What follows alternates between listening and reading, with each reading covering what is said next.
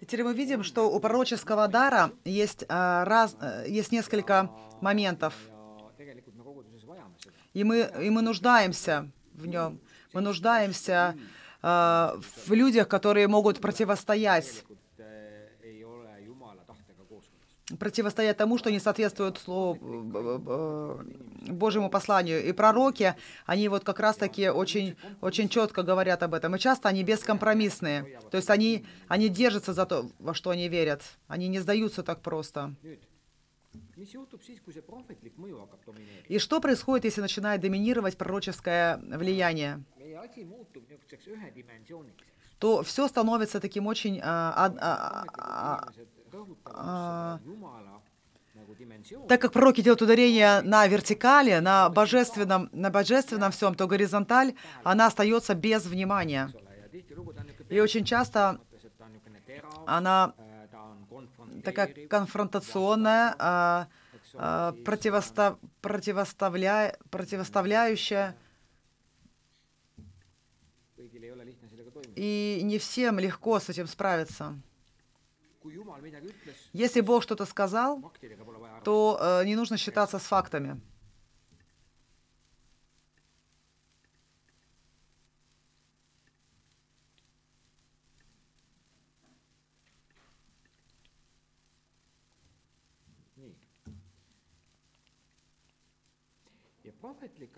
И пророческий дар, э, он, он может быть даже таким, э, он очень, как бы, может влиять, э, как бы, нападающее, да, он хочет доминировать, он такой агрессивный больше даже.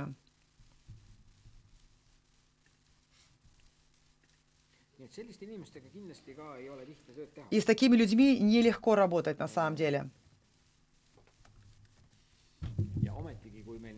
И если у нас их нет, то мы можем стать очень такими человеческими. И нам нужно, нам нужна вертикаль, нам, ну, нам, нам нужно понимать, что... Ай, ладно. Поэтому те вещи, которые мы видим, они очень, очень свойственны харизматическим церквям. То есть Дух ведет, Бог говорит, Бог сказал, а, Бог ничего не сказал, Бог не, если Бог ничего не скажет, то ничего не происходит, ничего не будет. И все как бы руководствуется только Духом. И это правильно, да, это абсолютно необходимо, это абсолютно нужно. И иногда бывает в такие моменты э, возникает вопрос тогда, а тогда зачем Бог создал человеку мозги?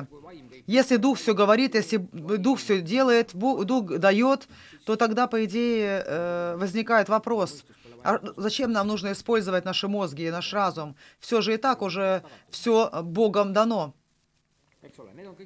То есть это опять-таки все крайности.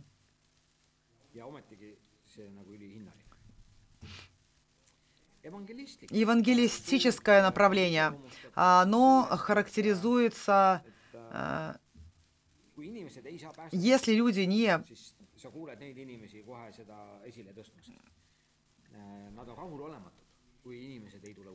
то есть евангелисты, они не удовлетворены, если люди не спасаются. То есть они убеждаются всегда, что проповедь должна быть, пропов... Э, э, слово должно быть проповедовано. И цель — это расширение Царства Божьего для того, чтобы э, новые люди могли прийти в церковь.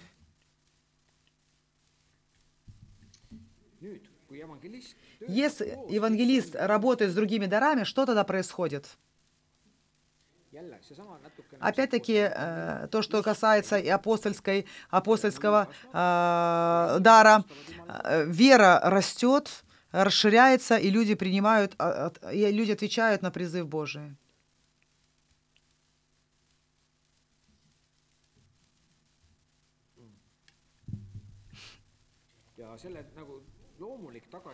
И, естественно, и, и мы очень четко видим это в деяниях апостолов, что происходило, происходил всегда численный рост.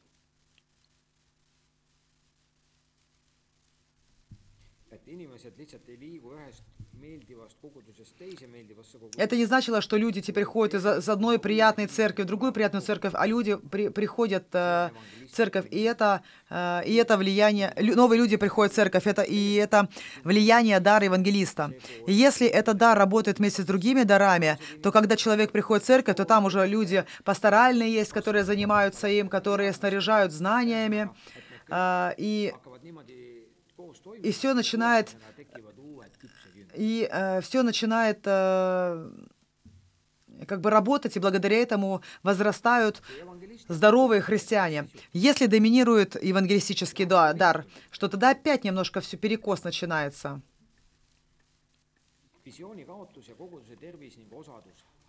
Э, потеря, потеря видения и здоровья церкви, оно ухудшается, потому что евангелисты, они отличаются от пасторов. Евангелисты, они заинтересованы только в продаже своего продукта. И в этом плане они заинтересованы в том, чтобы люди были спасены. Остальное их особо не интересует. И в этом плане церковь тогда становится такой однобокой и может потерять э, даже свою, свою миссию. Евангелисты — это не те люди, которые заботятся о людях. И это означает, что внутри церкви общение ухудшается. То есть главный фокус евангелиста о том, как мы можем быть более евангелиз... евангелистическими. Может быть, плакаты где-то вешать, может быть, там еще что-то, может быть, какие-то приглашения написать. А, как мы можем допустим, людей новых в церковь позвать, а что внутри в церкви или евангелиста вообще не важно.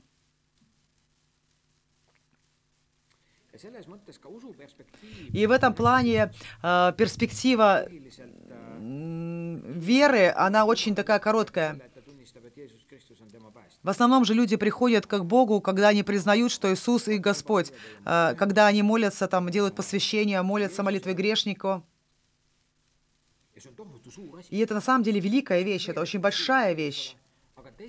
Но с другой стороны, что если только это останется, то это все будет слишком просто. И это, и это подходит людям, которые ищут, которые ищут церковь. И, в общем-то, конечно, это очень важно. Тоже покаяние, оно необходимо. Э, обращение к Богу, оно необходимо. Оно очень важно. Но это не единственное. Итак, пасторальный дар, пасторский дар. Пасторский дар, пасторальный дар э, создает здоровую, любящую атмосферу. Пасторальный дар, он создает такую э, заботу, э, такое чу, э, за, э, чувство заботы церкви. И если в церкви есть люди и, или же лидер с пасторальным даром, то люди будут чувствовать себя э, важными, что они ценные, и что, и что их заметили, что э, они замечены.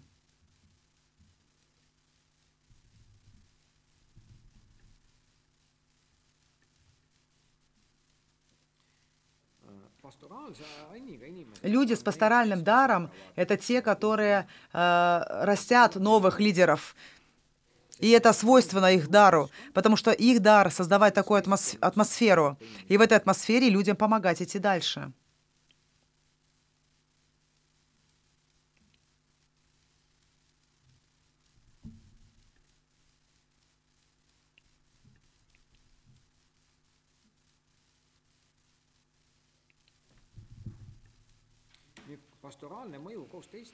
И э, пасторальное влияние вместе с другими дарами позволяет людям расти. Допустим, э, пастор и учитель. Вот эта комбинация.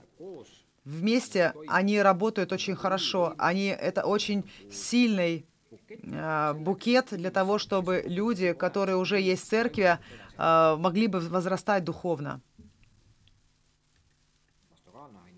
Пасторальный дар заботится, учитель учит, люди духовно могут расти.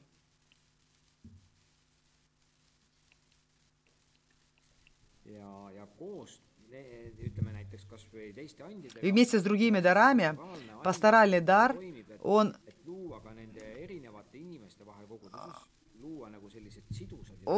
позволяет создать атмосферу э, такую э, хорошую атмосферу. И пасторский дар не всегда может а, сделать сам это. Потому что э, взаимоотношения любовные, это не значит, что у нас все прекрасно, и мы друг с другом хорошо общаемся, мы же ведь хорошие люди. Любовные отношения в церкви или отношения любви в церкви э, заключаются в том, что мы начинаем заботиться друг о друге. Это не значит, что мы теперь просто хорошо друг с другом общаемся, а на самом деле мы помогаем друг другу расти, мы помогаем друг другу э, фокусироваться на нашем, на нашем призвании. Отношения любви, они могут забродить, если в церкви не будет видения, если в церкви не будет э, э, такого здравого, здравого роста. Один из э, конфликты в основном в церкви происходят из-за того, что в церкви нет видения. У них хорошие отношения, у них все хорошо, но рано или поздно это все забродит. И это означает, что нужно нам видение. Но это паста, паста, э, не идет из пасторского, пасторского дара обычно.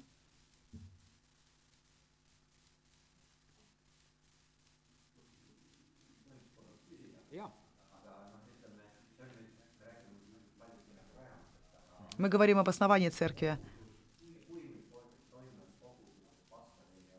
Если в пасторе, если у церкви э, существующего пастора нет видения, то когда так? Как, как двигаться-то дальше?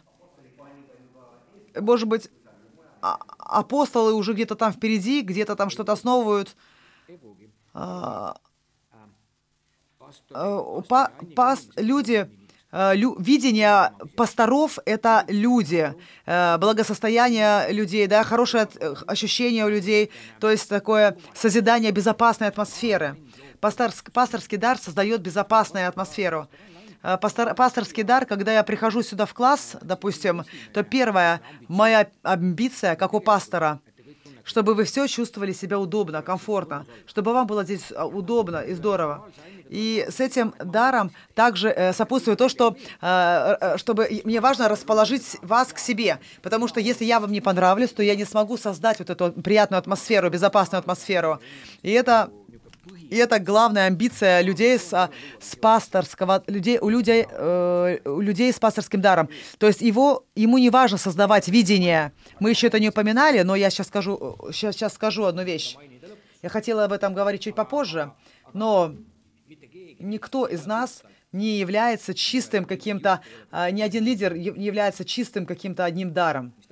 И это означает, что э, разные люди, и у разных людей происходит комбинация даров. И мы можем спросить, какие дары, допустим, доминируют, или какие, э, какие, какие э, более сильные дары, более слабые. И и у пасторального лидера может быть так, что у него пасторский дар очень сильный, и рядом, допустим, какой-то э, дар ев- евангелизма, евангелиста. И понятно, что люди с такими, таким даром, которые заботятся о людях, и если у него евангельский дар тоже есть, то его стиль руководства а, будет, э, будет а, таким ну, эффективным. Если с пасторским даром есть еще апостольский дар, то тогда э, то туда проблем с видением не будет. Поэтому всегда есть какие-то комбинации даров на самом деле. И в интернете даже есть такие возможности. Люди могут делать тесты, э, может за, пройти их и посмотреть, где, в чем я, как, какая у меня ситуация. Это текст, тест на английском языке. Никто не перевел.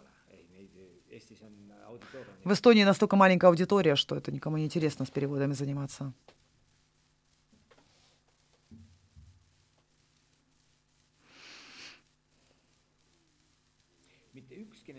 Ни один из пяти даров не может сам по себе работать. И если он начинает сам по себе работать, то он начинает сам против себя настраиваться. Мы уже говорили о связи церкви, мы говорили с вами о взращивании э, учеников. Посмотрите, если пасторский дар доминирует, что тогда произойдет? То тогда церковь э, э, становятся закрытой и не направленной на миссию. Нам и так уже хорошо здесь. Правильно. У нас же никаких проблем сейчас нет.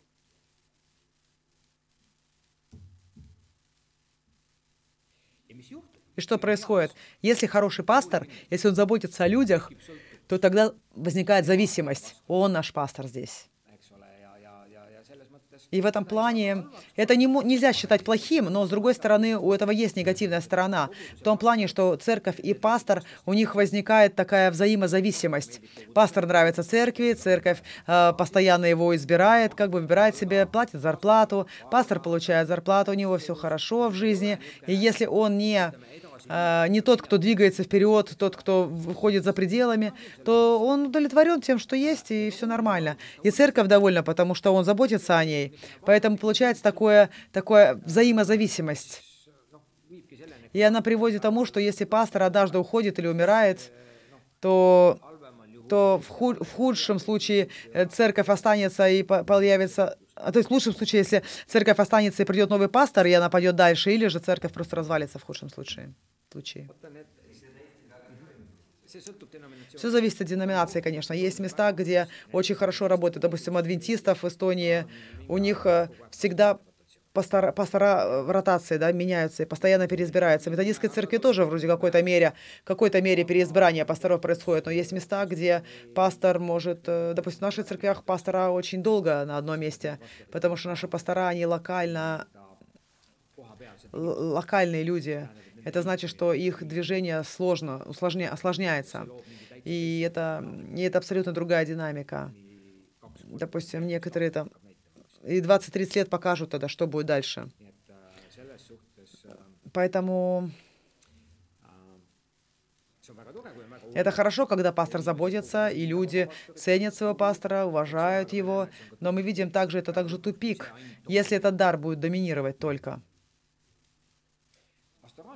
Пасторальные люди, они не, а, они не создают какую-то система, системность. Их фокус — это люди. То есть они создают систему и структуры.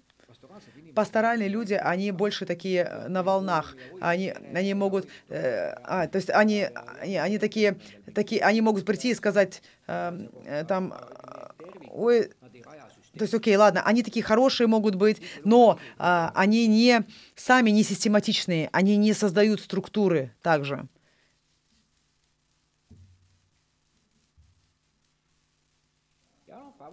И, и в конце концов, э, угроза, угроза в том, что все зависит от пастора. И пастор является А и Я, от него все зависит. Зависит и в церкви, и за пределами церкви точно так же. У, у него доверие в церкви, поддержка церкви, пастор делает, пастор служит.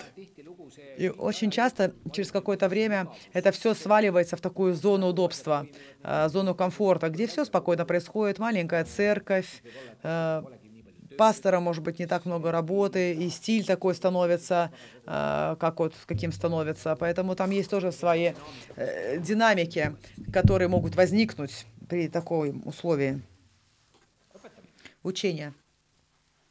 Учитель, дар с учителем. Главный фокус э, уч учителей — это раз различие, различие в том плане, что такое правда, что неправда, то есть развлечение. Да? Что касается дара учителя, это очень важно чтобы мы стояли на правильном учении, на правильном основании. И это важно было при апостольском даре тоже, если вы помните, да, но там мотивированность идет именно из, э, выйти за пределами церкви. Что касается дара учителя, то мотивация здесь основывается на истине. И как э, Иоанн пишет, дорогие, дорогие э, а, дети, я рад, что вы ходите в истине, что вы живете в истине. Да? именно хождение в истине очень важно для людей с даром учения учителя, даром учителя. А также еще один очень важный компонент — это э, юхендамина, это как бы руков... духовно вести за собой, то есть вести людей и передавать э, людям истины Божьи.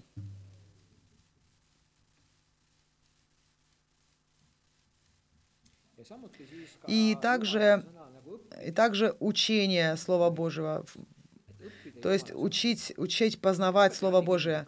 Люди делают э, с учительским даром, всегда делают на этом ударение. Изучать Библию. Если вы посмотрите методическую церковь, то на протяжении многих лет у вас возникали люди, которые делают библейские уроки, какие-то учения, какие-то еще что-то.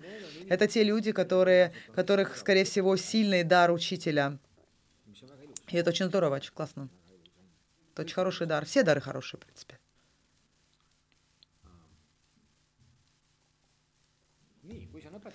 И если ты, э, в комп... если ты с другими дарами контактируешь, то тогда э, возрастает познание Бога, укрепление веры. Если ты слушаешь учителя, э, и у тебя такое ощущение, что ты наелся, когда ты с ним общаешься, да, с учителем, ты как будто бы получил хорошее блюдо, такое твердое блюдо. И с учением также связана наша возможность интеллектуально воспринимать информацию. То есть мы принимаем информацию через свои мозги, через голову. И в этом плане познание Бога и рост в целом происходит через, наш, через наши интеллектуальные способности. Поэтому, что касается учителя, очень важно, чтобы он создал какую-то систематичность, системность. Учитель делает ударение на том, что истина должна руководить нашим поведением. И немножко похоже также на пророческий дар тут.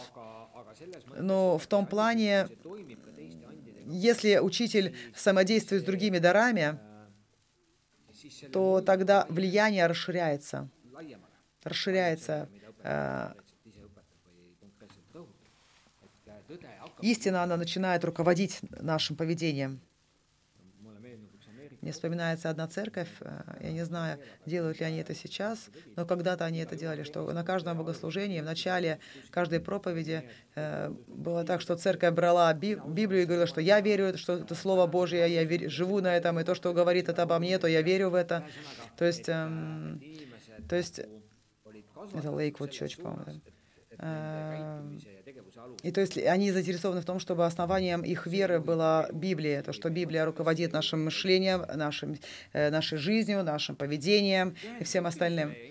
А также посвящение учению и интегра интеграции.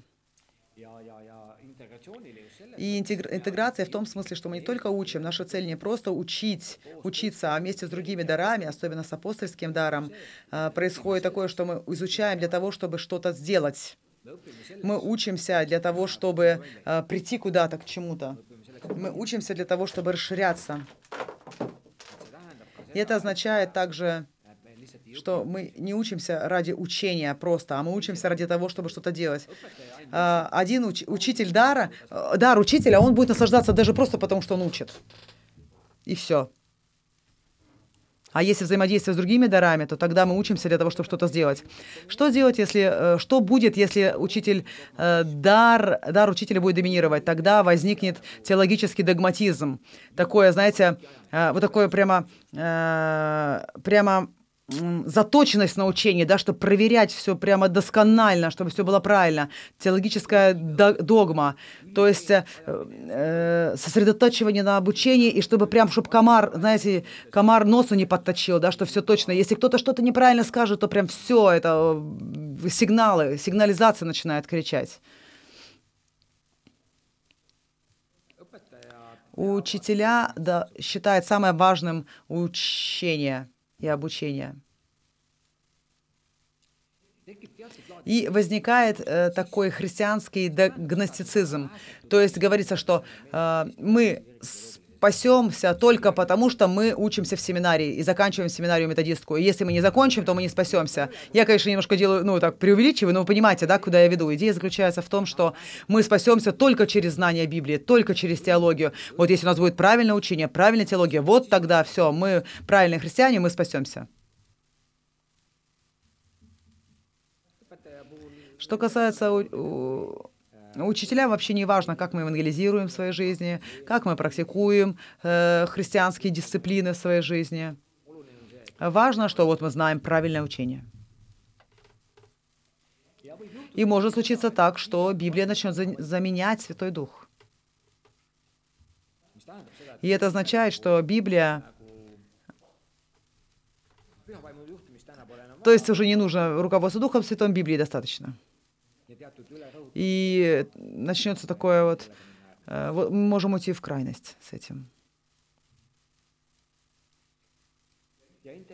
И также интеллектуализм. Возникает такой христианский интеллектуализм, христианская интеллигенция, когда мы начинаем там обсуждать, философствовать о некоторых истинных, истинах, когда мы начинаем наслаждаться свои, вот, бес, своими беседами с кем-то другими, да, то есть вот это вот воз, может возникнуть.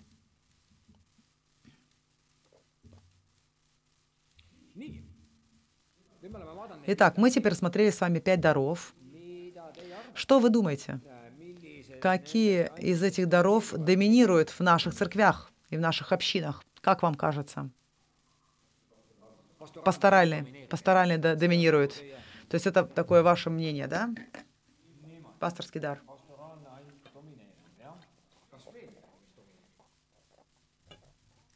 Кто еще доминирует? Или только пасторский, и все доминирует. Больше никаких других даров нет.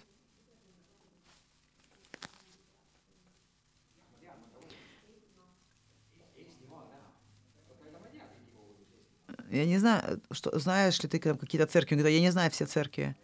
Я не уверен. Я не знаю, про что вопрос был. Хорошо, задам так вопрос. Если, допустим, пасторский дар доминирует, а какие дары церквях мы можем э, увидеть еще, выделить в церквях? Все-таки учение, учитель, дар э, есть тоже же, правильно ведь? Ну и также евангельские, ева, Евангелие, тоже проповедуется Евангелие.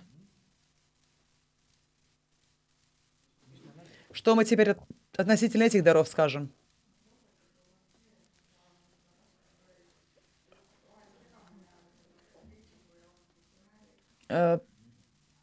Дар пророка тяжело иногда бывает определить.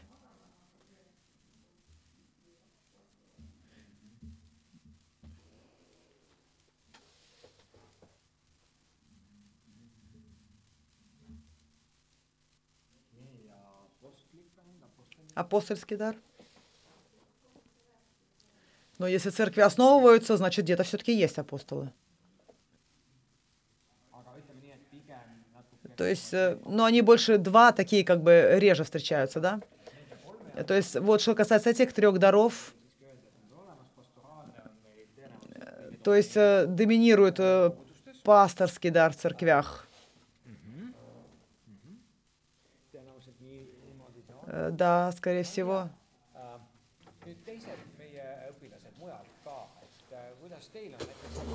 Как в Финляндии у вас?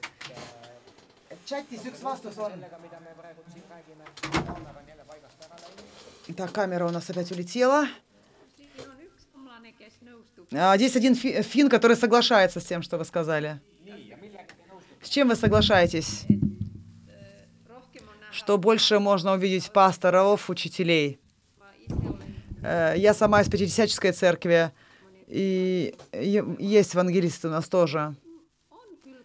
Есть также и апостолы,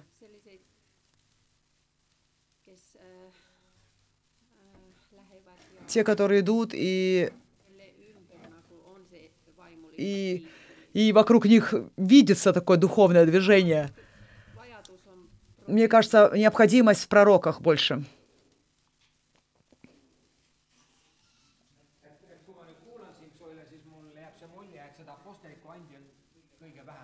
Меньше всего апостолов у вас, или если я правильно слышал?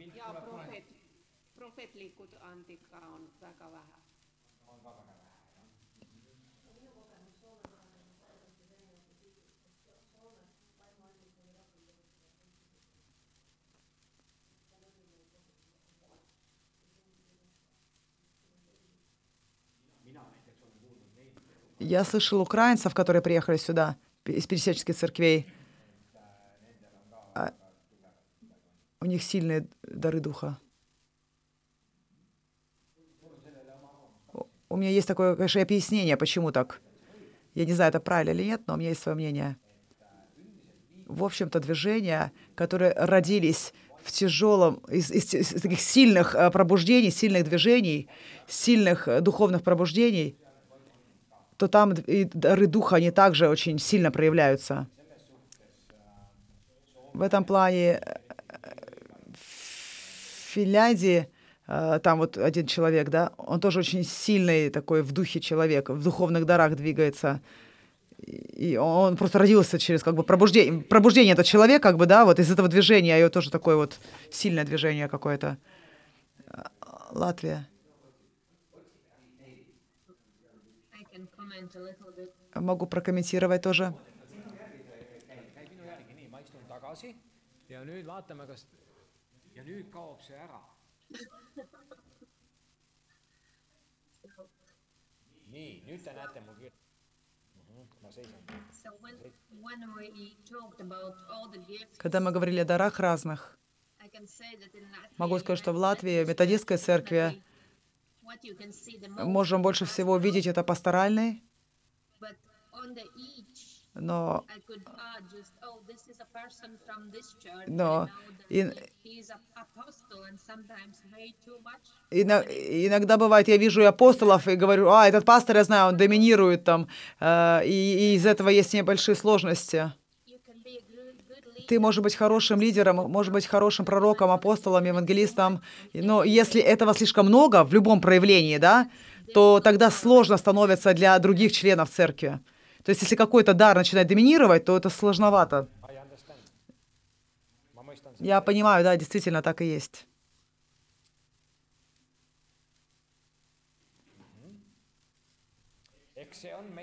И это наш, это вызов для нас, как мы пойдем дальше, как церкви. Но если мы говорим об основании церкви, то тогда мы поняли, что в контексте основания церкви апостольский дар, он важен. Важно, чтобы он представлен был, хотя бы в какой-то мере. Я, я думаю, что, конечно, никто из нас, не, не, из лидеров не может быть на 100% каким-то одним только даром. Всегда есть какая-то смесь. И там всегда есть дары, э, которые самые слабые. У каждого лидера есть какие-то самые слабые дары.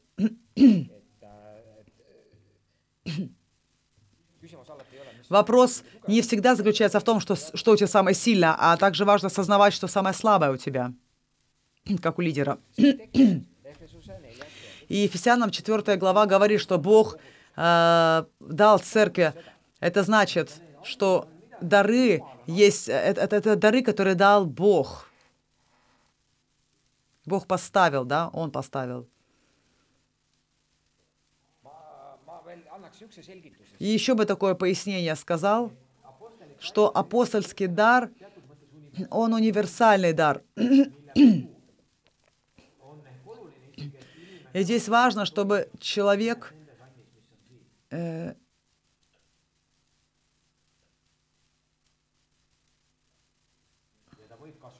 То есть человек может из вот этих даров вырасти до апостольского дара, но не все руководители э, вырастают.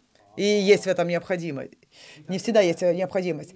Если у них нет какого-то опыта вот, это, вот этих вот вот этого, то тогда, э, то тогда а, он станет не, таким, будет не, недозрелым. Для того, чтобы апостольский дар был зрелым, очень важно, чтобы у него были также и другие, другой опыт, опыт в других дарах. То есть движение, в принципе, возможно, да, между этими дарами. Возможно стать кем-то, допустим.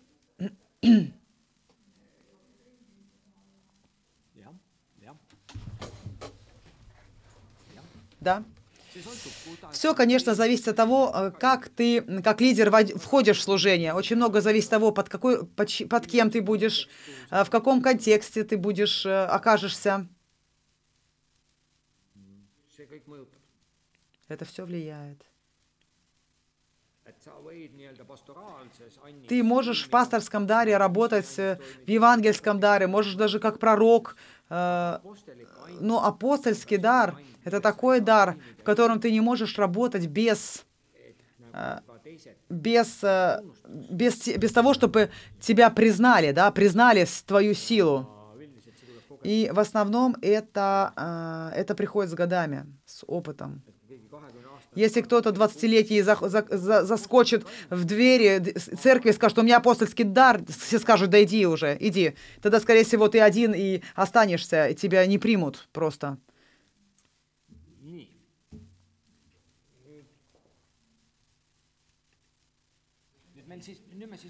И теперь мы видим, что на самом деле у нас есть проблема. Если мы говорим об основании церкви, и если апостольский дар меньше всего представлен, то тогда неудивительно, что мы не основываем церкви. Мы пришли к вами, с вами теперь э, к такому И, может быть, в нашем обществе тоже произошли какие-то изменения. Мы теперь находимся в зоне, в зоне э, комфорта.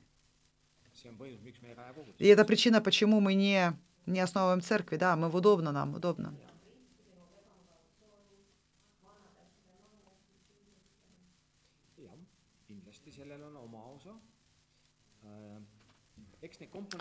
Компоненты, конечно, есть еще. И мой личный подход такой, что так как апостольского дара или этих людей с этим даром не так много, их достаточно мало, то как результат... Дело в том, что такие, такие люди Такие люди, они рождают жажду по, по насаждению церкви. Пасторы не приводят эту, эту, эту, эту жажду. Если апостол зайдет, или если пастор, пастором, с, с апостолом мы будем общаться, он созидает такую атмосферу, где как результат начинают возникать определенные импульсы, какие-то мысли, какие-то направления. И так как мало апостолов, то то этих импульсов не возникает так много. Апостол Павел, он вокруг себя сосредоточил людей, и вообще, как много людей он вовлекал.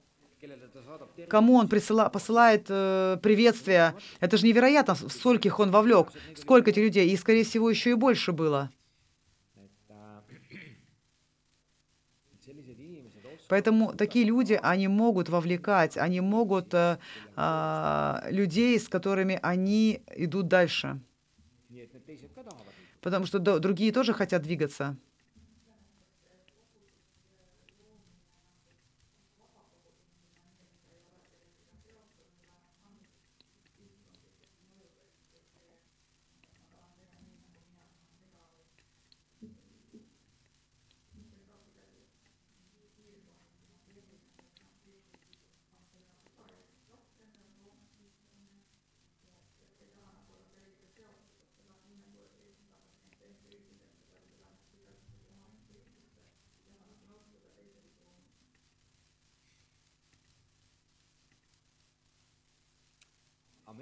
В Америке э, на протяжении последних э, десятилетий возилось, родилось такое, знаете, э, мышление самостоятельности. Большие церкви, они очень часто самостоятельные полностью.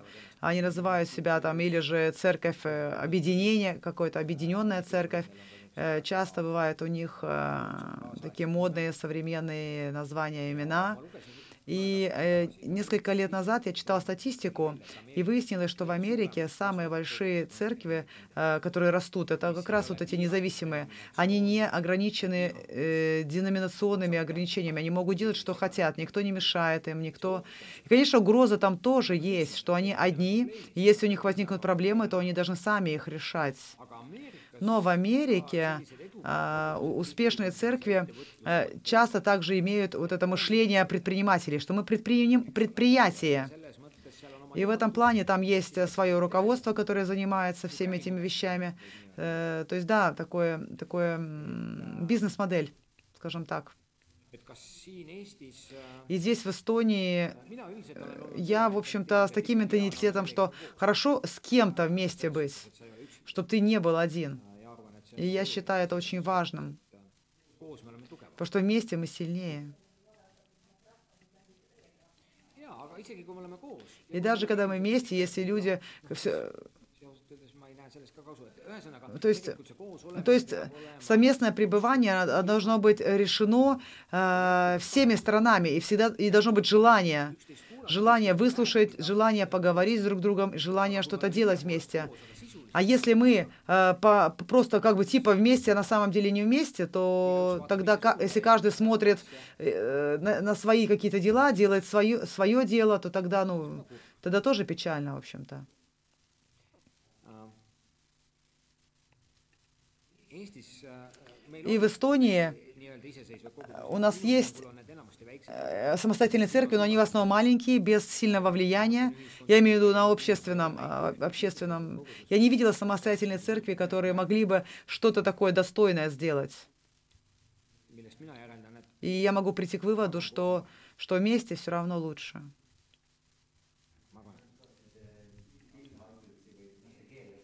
И, и Willow Крик, там Билл Хайблс, они же тоже комьюнити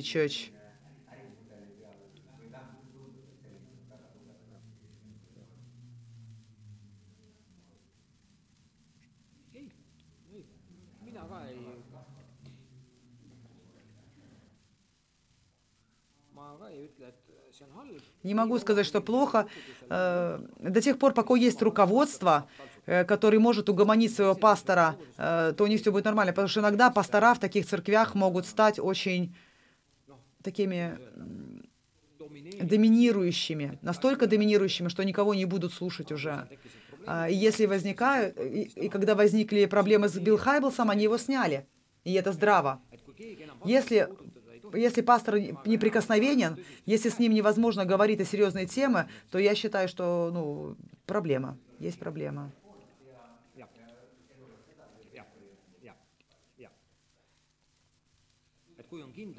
И, и если есть, э, допустим, э, свидетельство того, что пастор э, ушел в лес, как бы, ну, грубо говоря, да, и, и, и никто не, не трогает, не касается этой темы, то тогда проблема.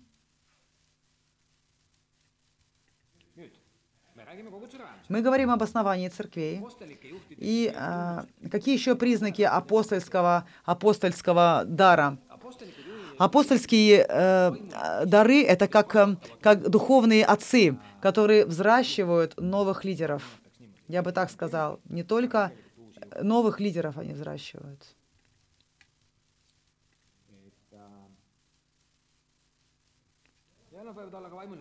И они могут быть также духовными мамами. Тут, тут здесь не имеется в виду пол, да? Здесь имеется в виду, э, здесь говорится о роли. Во-вторых, апостольские апостолы, апостолы начинают что-то новое.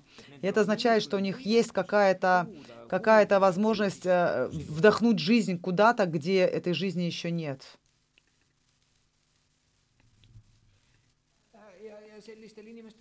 И, и это может быть так, что эти люди нигде не руководители, эти люди могут э, быть просто членами церкви где-то.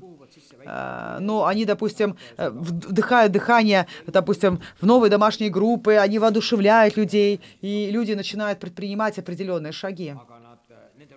У них есть, у них есть, у них есть способность сделать то, что другие не могут сделать. Они духовно интенсивны. Они, они интенсивные э, работники.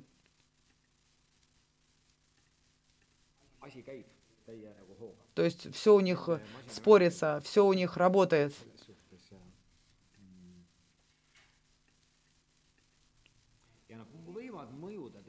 И они могут влиять на других людей, немножко доминируя.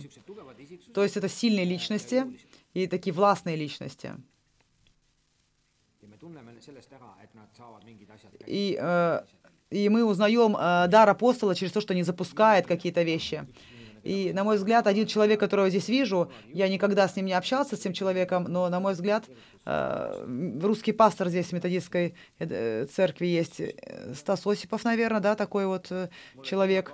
Внешне кажется, что он один из таких вот апостолов. Он, он запускает какие-то вещи, начинает там с новой церковью где-то, и все у него получается.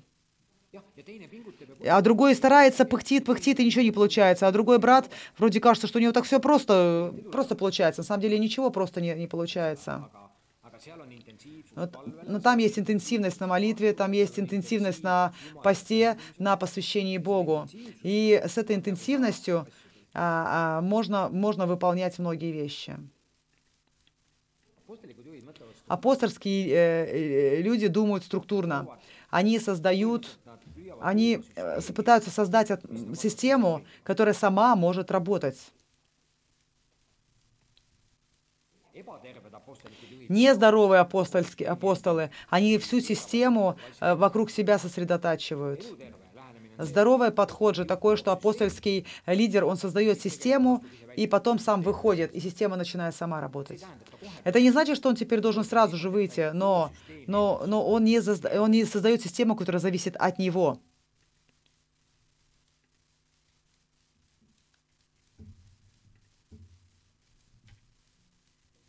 А, мы говорили, что желание расширять Царство Божие –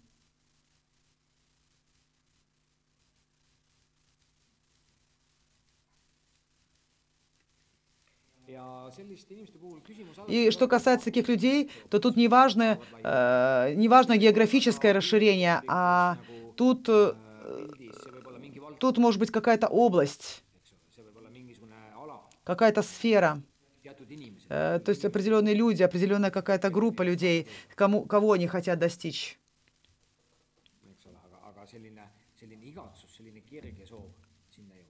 И у них есть желание Э, достигать, что-то делать. Такие люди обычно э, реагируют на большие, на большие вызовы.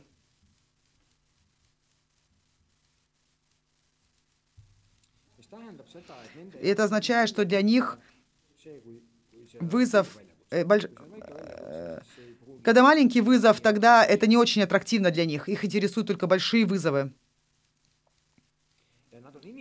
И это люди, которые, если за что-то берутся, в основном они посвящают себя на 100% этому. То есть они всю свою, все, все ставят э, на весы. То есть полностью вовлекаются. То есть они создают возможности, и могут они, конечно, провалиться, да, но, но э, они освещают, они максимум себя посвящают этому, э, посвящают себя тому, чем занимаются.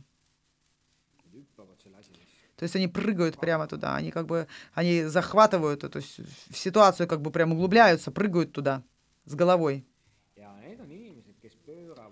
И это люди, это, э, то есть э, эти люди, они какие-то мгновения переворачивают в движение. Они видят то, чего других нет, они видят возможности, начинают, а другие только с, с, потом уже видят, а, надо же вот так вот, да, сложилось все.